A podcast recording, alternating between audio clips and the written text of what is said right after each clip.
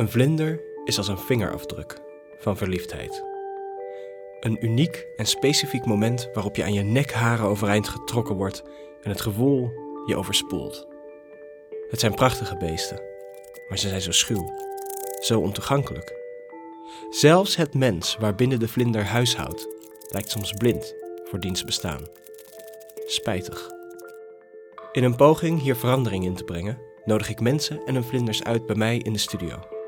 Daar gaan we in gesprek en maak ik na afloop een audioportret van de vlinder. Voor mijn collectie en als memento voor mijn gasten. Mijn naam is Sid Zeno Duit en dit is Vlinders.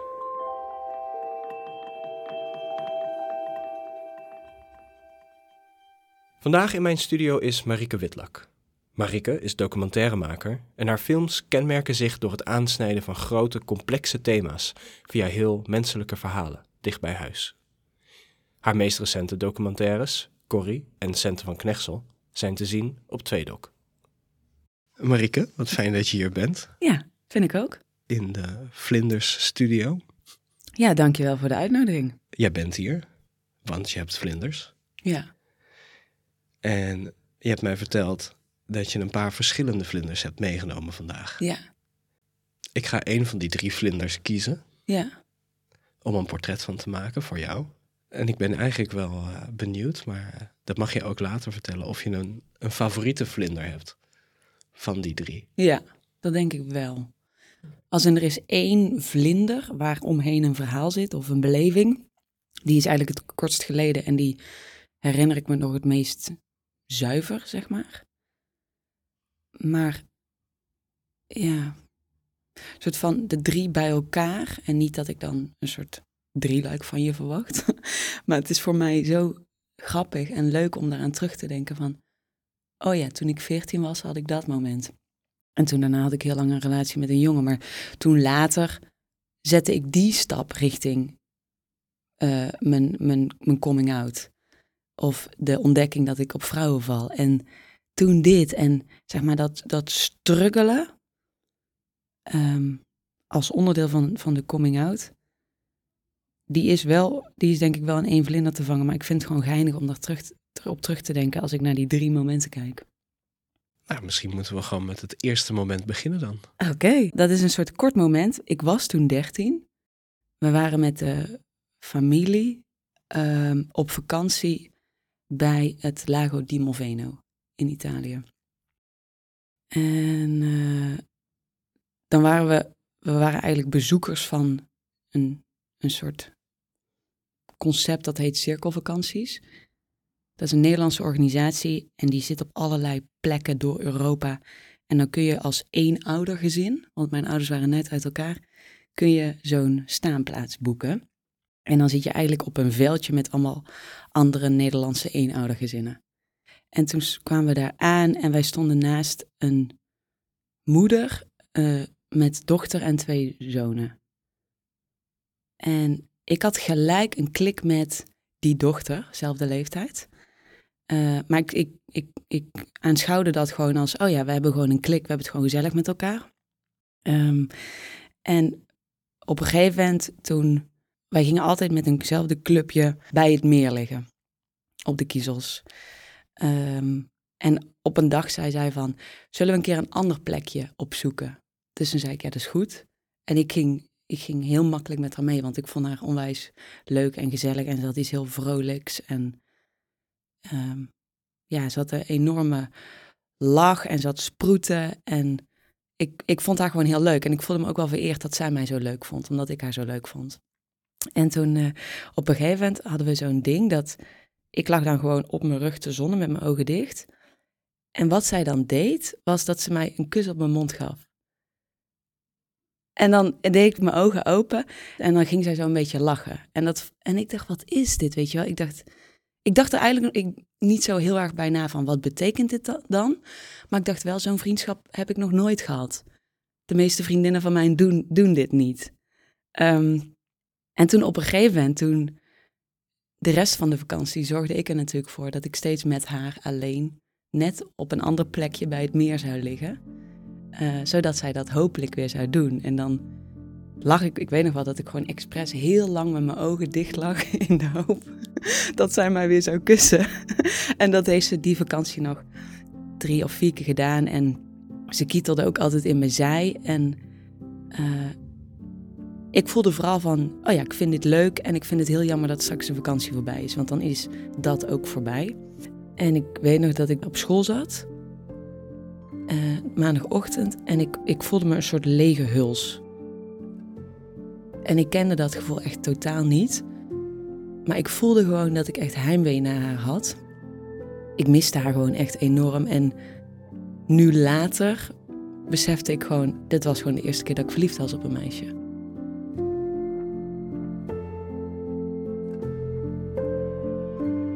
Marike is iemand die je echt aankijkt. Ze overvalt me met hoe helder ze haar vlinders beschrijft. En mijn taak als portretist lijkt te zijn dat ik het oogcontact aanga en vooral goed luister. Ik weet niet of ik een drieluik zie zitten. Daarvoor moet ik eerst haar andere vlinders horen. Intussen vertelt Marike verder dat ze nog wel relaties met jongens gehad heeft, maar dat het onderzoeken van de vrouwenliefde wel actief speelde in haar hoofd. We pakken het verhaal op wanneer zij student is aan de Kunstacademie in Rotterdam. Mijn zus nam vrouwen mee waarvan ik dacht: nee, ik ben echt ik heb geen lesbie, dacht ik. Want dit kan ik me niet voorstellen. dat waren echt, als, weet je wel, dat was toen de representatie van, oh, dit zijn dus vrouwen die op vrouwen vallen. Nou, nee, dat ben ik niet. Alleen toen werd ik natuurlijk ouder en dan zie je op tv wel eens een lesbienne die wel veel meer vrouwelijk is. Of een persoon waarvan ik dacht, oh, maar daar lijk ik wel iets meer op dan de vrouwen die mijn zus meenam. Uh, dus terwijl ik in een relatie met Pascal zat en we vrijwel nooit seks hadden, omdat ik gewoon voelde van ja, volgens mij ben ik aseksueel. Dat heb ik heel lang gedacht.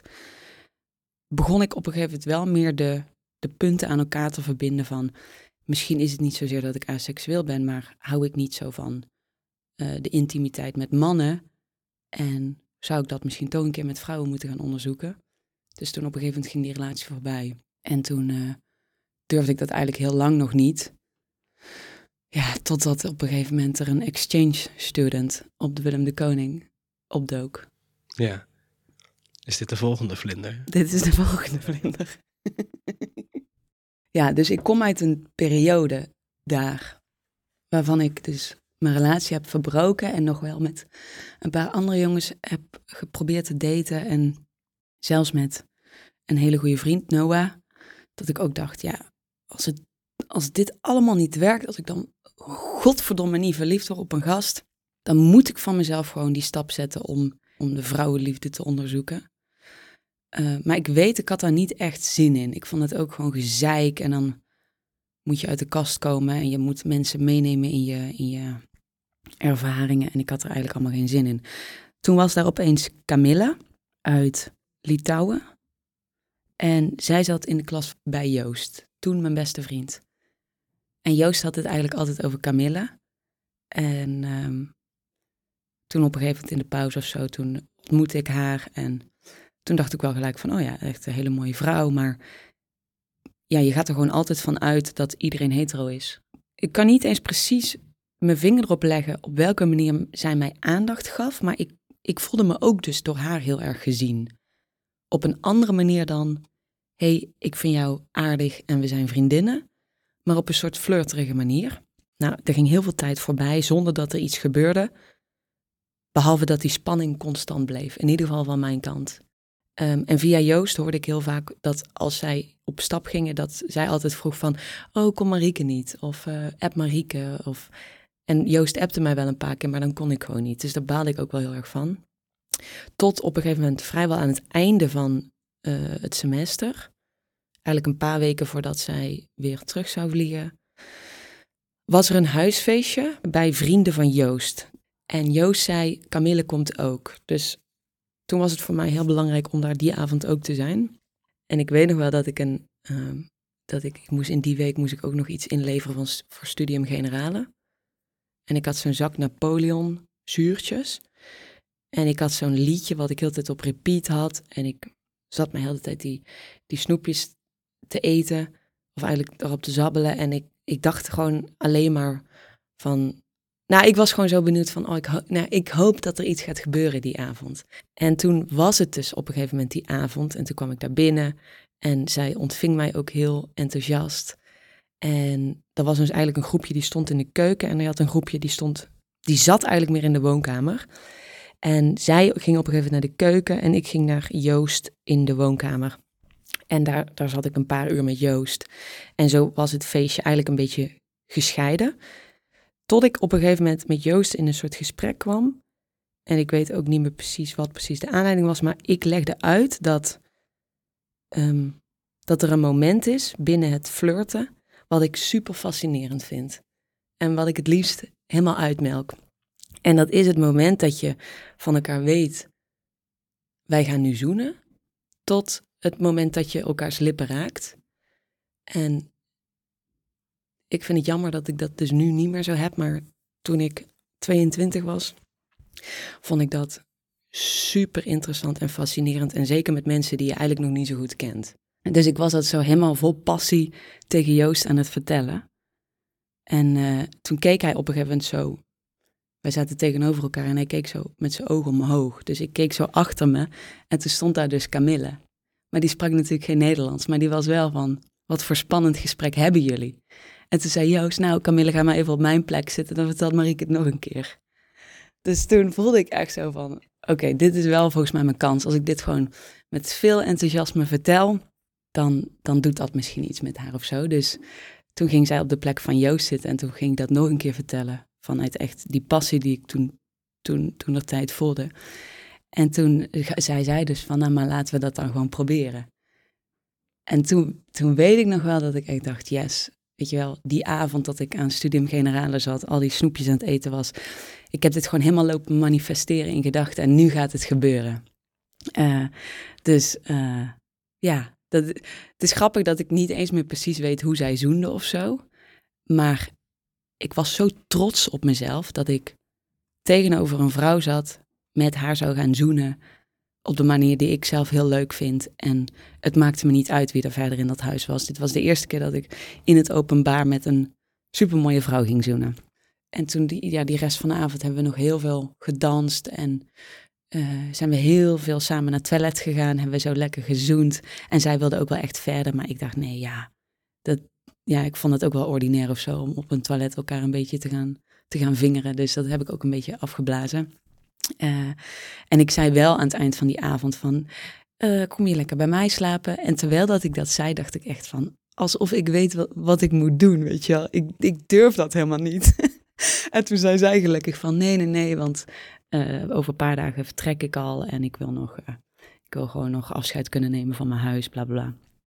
Um, ja, en toen was zij op een gegeven moment, zat ze op een gegeven moment terug in Litouwen, in Vilnius. En hebben ook best wel veel gefacebook-chat. Gewoon, ja, als ik dat nu teruglees, dat, dat is echt zo'n puberliefde van elkaar hele tijd complimenten geven. En zij zei dan van, ik mis je crazy driving lips en je smiling eyes. En dan zei ik weer dingen tegen haar van, oh je bent echt de mooiste vrouw die ik heb ontmoet. En, uh, en zonder echt uit te spreken wat dat dan precies was, was er gewoon heel veel adoratie voor elkaar. Dus niet echt verliefdheid, maar ik was gewoon enorm onder de indruk van haar. En dat, dat, dat chatten ging zo nog een tijdje door en ik hoopte gewoon dat zij nog een keertje naar Rotterdam zou komen. Of, of zij een keer zou zeggen van, joh, kom je anders een keer langs. Maar dat is, dat, was, dat is helaas niet gebeurd. Maar door die ervaring dacht ik wel van, ik heb hier nu weer zo enorm van genoten. Het houdt me zoveel meer bezig dan welke man dat ooit bij mij voor elkaar heeft gekregen. Dus ik, ja, volgens mij moet ik op een gegeven moment weer een stap gaan zetten. Ja. Was er toen een soort zekerheid? Um, voor mezelf was er wel de bevestiging van, ja, ik heb lesbi. en ik zeg het ook zo, alsof het een soort aandoening slash ziekte is, omdat ik ook echt voelde van, fuck, waarom ik? Ik heb hier eigenlijk echt geen zin in en uh, hoe, gaan, uh, hoe gaan vriendinnen dat vinden? En als ik echt verder dacht, dan dacht ik, nee, ze vinden dat wel prima. Maar ik was gewoon altijd bang dat dan mijn vrouwelijke vrienden opeens zouden denken dat ik dan eh, op, op hen ook verliefd zou zijn of op een andere manier naar hen heb gekeken. En daar voelde ik me zo fucking smerig onder, weet je wel? Dat ik had van nee, dat is het niet. Het is eh, heus wel gescheiden en ik vind niet zomaar alle vrouwen interessant. En met dat soort dingen was ik bang. En ik wist wel, mijn ouders vinden het dikke prima, want mijn zus was al uit de kast gekomen. En ja, dat was gewoon, uh, nou, helemaal fijn, helemaal prima. Daar was ik niet bang voor, maar gewoon vooral mijn vrouwelijke vriendinnen. En ook wel, ook wel mijn ex-vriend, die dan opeens zou twijfelen aan de relatie die wij hadden gehad. Oh ja. Ja. Hij was een van de eerste die op een gegeven moment wist dat ik een relatie had met een vrouw. Dat maakte hem niet uh, onzeker. Nee, hij was zo blij voor mij. Dat is ook echt heel lief. Echt een, echt een schat van een vent. En uh, ja, hij was alleen maar blij. En hij zei ook wel van... Ja, ergens, ergens doet mijn, mijn ego dit ook wel goed. Dat het niet een andere jongen is waar je verliefd op bent geworden. dat ik gewoon de laatste jongen ben geweest waar je verliefd op bent geworden. En toen zei ik, nou prima, dan is het een soort win-win.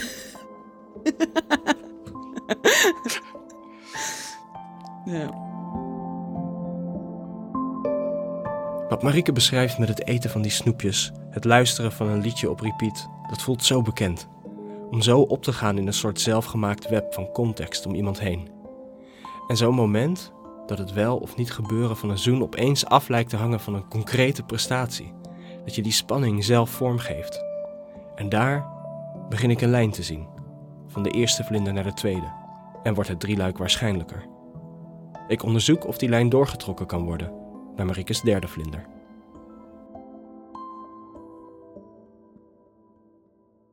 Denk je dat in het meer recente verleden was je dan vaker de Marike die het op, op zich af moest laten komen?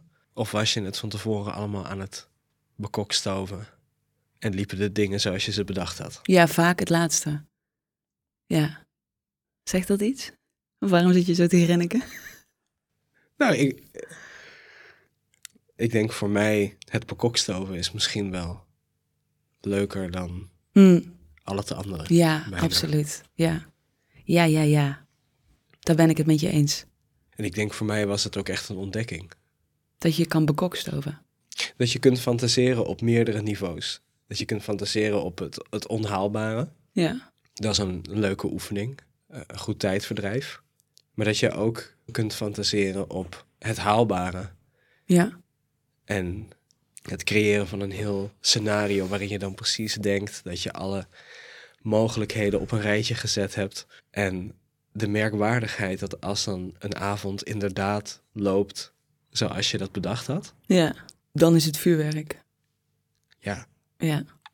ja daar zit een, een, een bijna onbeschrijfelijk Ja. genoegen in. Ja, en dat is ook grappig, want als ik terugdenk aan die zoen met Camille, daar kan ik me niet eens precies terughalen van objectief gezien, hoe vond ik die zoen? Dat boeide me ook niks. Ik dacht gewoon, ik ben met haar aan het zoenen en dat wilde ik eigenlijk het hele semester al. Ja, en dat is gelukt. En dat is gelukt, ja, dat heb ik gewoon gefixt. Ja, Ja.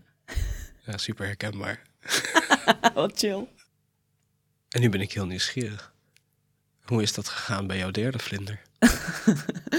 Ehm, ja, dat is wel grappig, want dit is wel, dit is grappig. Dit is eigenlijk een soort combinatie van ehm, iets wat me overkwam en iets wat ik ook wel zelf heb gemanifesteerd.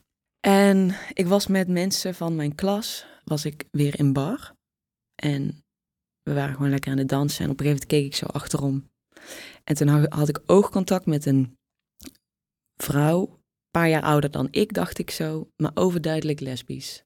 En toen, eh, toen, toen kwam er gelijk zo'n soort rilling of zo van, daar staat een, daar staat een lesbienne en ze kijkt naar mij.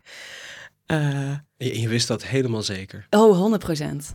100 procent. Ja, dat wist ik helemaal zeker.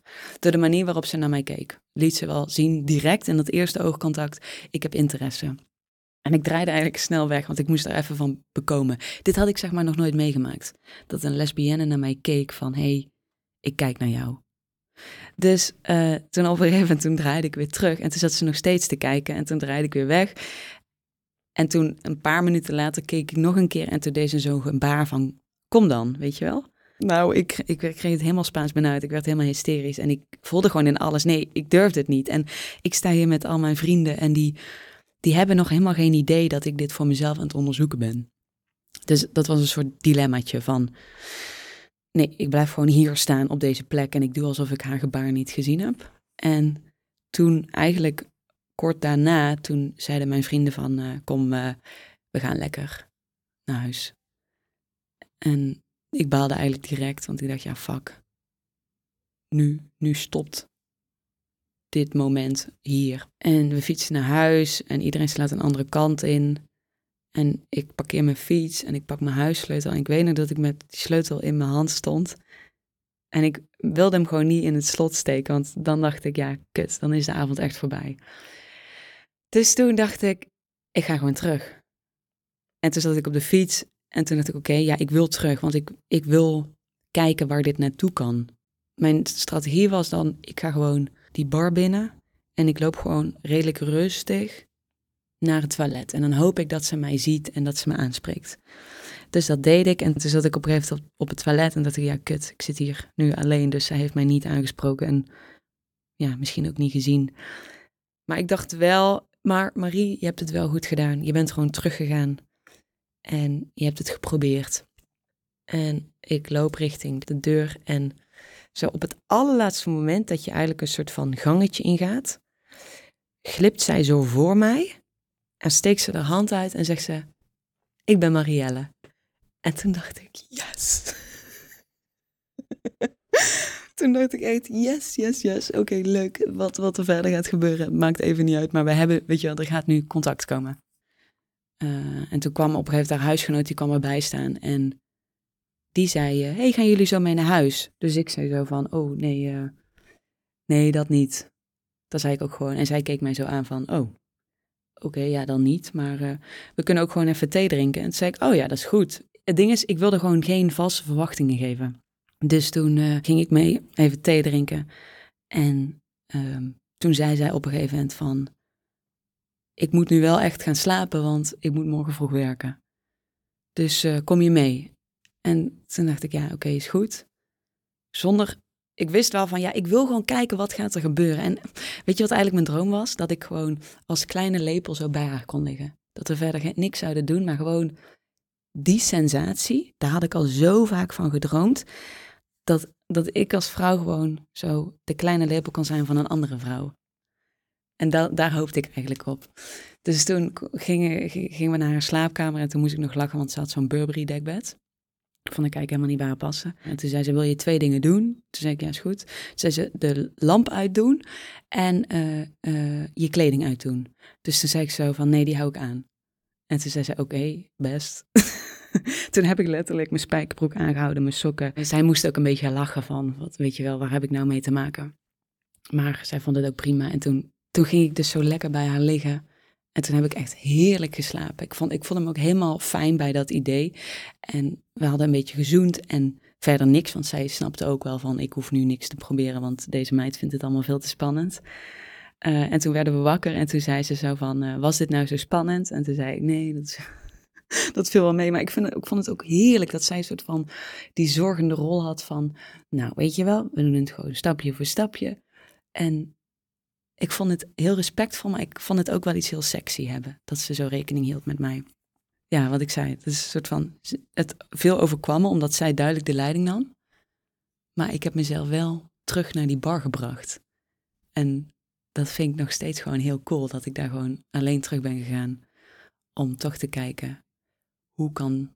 Weet je wel, wat, wat, wat kan deze avond nog betekenen binnen dat proces? En met dit verhaal is het me wel duidelijk. Het wordt een drieluik. Marike. Zit. Dankjewel voor dit gesprek. Alsjeblieft, ik vond het heel leuk. Ik ook. En ik ga aan de slag met een portret van een van jouw vlinders. Mm En je hoort van me. Leuk, ik uh, ben echt super benieuwd. Misschien dat ik die vlinder dan nog wel laat zien aan een van mijn vlinders.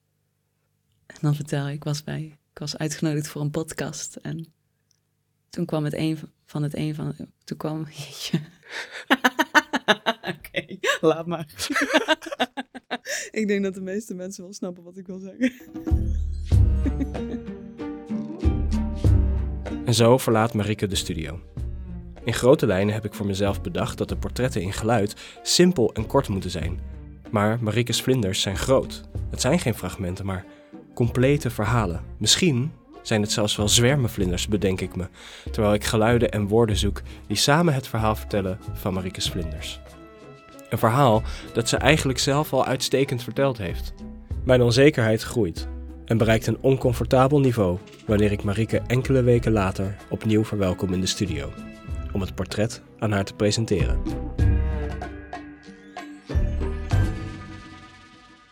Marike Witlak, Zit ze no doubt. welkom terug in de Vlinder Studio. Bedankt.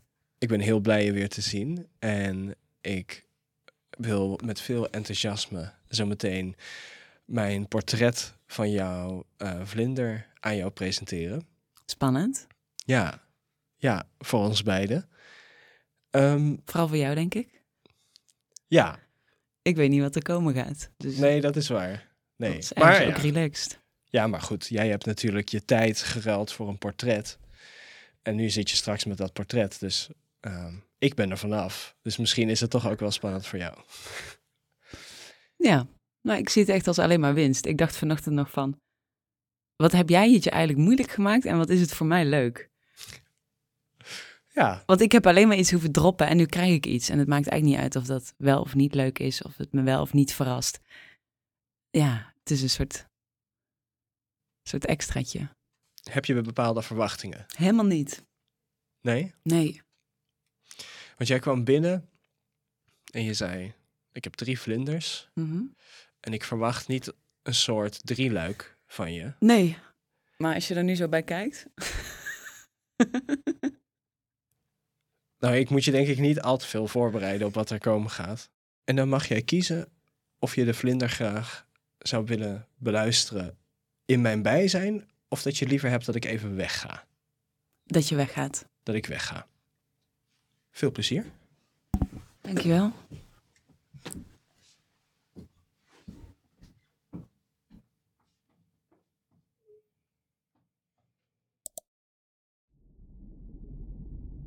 Het is warm hier. Ik ben hard van buiten en vormeloos van binnen. Ik voel en ik doe, drijf in mijn eigen huls, zonder zintuigen. Geen ogen om dicht te doen, geen mond om te sperren, geen huid, geen gespitste oren. Ik smaak naar niets. Bah. Gisteren droomde ik dat iemand mij als een piñata aan diggelen sloeg en dat ik zonder zwaartekracht uiteendreef. 1. Ik ben verplaatst. Het is buiten net zo warm als binnen. Ontspannend. En dan, ik geloof het bijna niet. Voel ik iets op mijn gezicht? Ik heb een gezicht. Ik heb een gezicht en mijn ogen zijn gesloten. Ik heb een gezicht en mijn ogen zijn gesloten en ik wil roepen dat ik een gezicht heb. Maar er zit iets in de weg. Ik heb een mond en er zit een mond tegen mijn mond. Korte paniek. Wat is dat gebonk van binnen? Niet weggaan, mond. Neem mijn zintuigen niet mee. Maar ze berooft mij niet. Het licht verblindt mij wanneer ik mijn verse ogen open. Waarneming. Ze grijnst, alsof ze weet wat ze gedaan heeft. Of juist niet. Mijn mond oefent een lach. Niet slecht, mond. Niet slecht.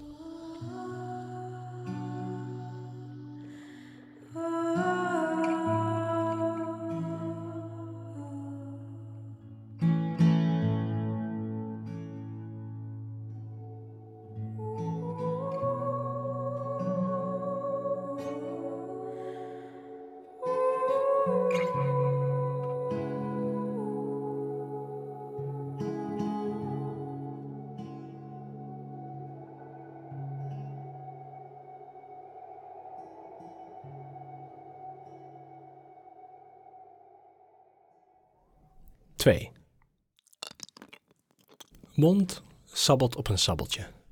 Sabbel de sabbel. Vanavond. Het folie knispert. Weer dat gebonk van binnen. Eh, Ik ben niet langer alleen een huls, binnenkant en buitenkant.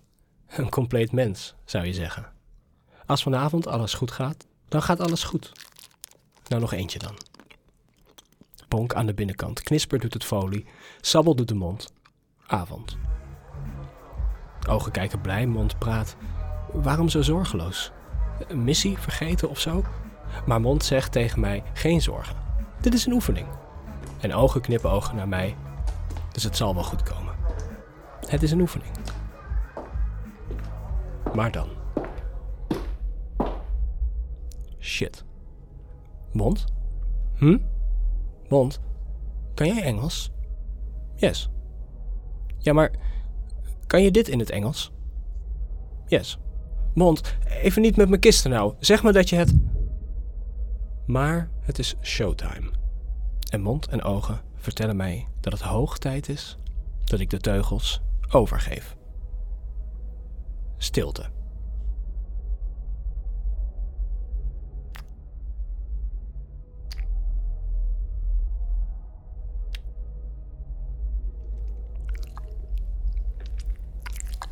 Bravo mond.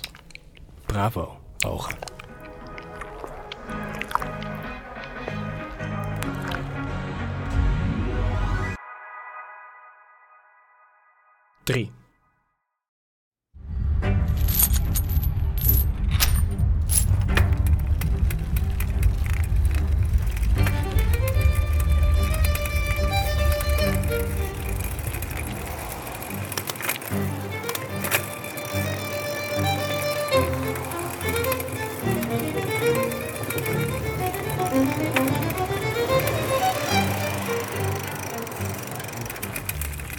Was je dan met je grote bek? Bla bla bla, handen die leeg zijn nadat ik vertrek. En doppen blauw met verlegen leden, schicht, schicht, schicht, alle kans vermeden. Een grote bek, blauwe dop, ratelde de ketting tegen de kast. Oma fiets standaard dat een lijn in het asfalt krast. Kans vergooid, een avond verkloot en mond gesnoerd en blik op oneindig.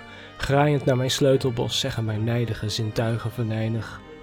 Je had geen plan. Hm. Goed punt. Rechtsomkeerd maken dan. En met iedere meter groeit het besef dat binnenkant haar huis ontgroeid is. En dat wanneer ik haar tref en ze door mijn ogen en mond geboeid is, ze mij stuk zal slaan. En folie en sabbels uit mij zullen vliegen. Tenzij ik mijn huls zacht maak. En met de steek in mijn zij van mijn fiets afstap en naar binnen loop. En dan op haar afstap, met mijn ogen en mijn mond vol met praatjes en hoop. En met mijn plan verdomd. Ze me meeneemt. Naar een vreemd huis met een vreemd bed. Weg ogen, weg mond, weg binnen, weg buiten. Ieder voor zich. En met bonkend hart en zachte huls ben ik het bed ingegaan. Als ze me maar vasthoudt, wanneer ik naast haar lig. Naakt. Met mijn kleren aan. Hallo. Hallo. Zo. ik ben heel benieuwd wat je vindt. Ik weet niet wat ik moet zeggen. Ik, eh, ik vond het zeer ontroerend. Ja. Ja, ik vind dat je het echt heel, heel bizar mooi hebt gedaan. Dankjewel. Ja. Ja, het eh, bracht me echt terug naar die momenten. De ene meer dan de ander. Ja. Ik heb het met heel veel plezier eh, en frustratie gemaakt. Omdat ik in eerste instantie graag wilde kiezen. Ik dacht, ja, ik kan wel met drie vlinders aankomen. Mhm. Uh, maar dat is niet hoe deze winkel werkt. Ehm, Voor mij werkt juist de ontwikkeling in het verhaal. ja, dat was het probleem. ja. Ik vind ook de laatste zin van de vlinder vind ik echt mindblowing. Oh. Ja, ja. Ja, echt, echt diep onder de indruk. Zeg maar niet alleen van, van de vorm, want daar heb ik nog niks over gezegd, maar gewoon wat jij begrepen hebt uit mijn verhaal. Dat vind ik echt heel, heel... Ja, wauw. Ik had niet gedacht... Ik had, ik had niet door dat je het zo goed begreep allemaal. je mag reageren, Sid. Ja, ik, weet, ik heb me nog niet zo voorbereid op dit, dit deel van dit proces. Waarin als iemand een compliment geeft, wat ik dan moet doen. Ja, ja dat snap ik. Ja, ja. Maar ik ben vooral heel erg opgelucht. Omdat je zoveel hebt prijsgegeven over Mm. jezelf. Ja, het is heel bizar om soort van zo terug te denken aan zeg maar mijn leven tussen 12 en ja, 22 of zo. Maar ik vind het ook heel liefdevol. Ik merk ook dat ik heel veel liefde voel voor die periode door, door dit te horen. Ja. Ja, vet. Ja, echt gaaf zit. Dankjewel. Heel graag gedaan. Marieke Witlak, dankjewel voor het delen van jouw vlinders. Ja, heel graag gedaan. Ik wens je alle plezier met jouw portret. Thanks, ik ga je een knuffel geven. Ja, Ja, dat wil ik ook. dankjewel. Dankjewel, echt super lief. Vlinders is een podcast gehost door mij, Sid Zeno Duit. Productie door Lulu Linders, cover art door Tamara Bella. Vlinders is onderdeel van Korrelfilm, een Rotterdams productiehuis. Op Instagram zijn we te vinden via vlinders.podcast. Wil je ons steunen? Kijk dan op vriendvandeshow.nl forward slash vlinderspodcast en krijg toegang tot exclusieve content. Deze aflevering hebben Marike en ik het over posters van de expo. Heb jij een vlinder? Mail ons via vlinders.korrelfilm.nl Dankjewel voor je aandacht.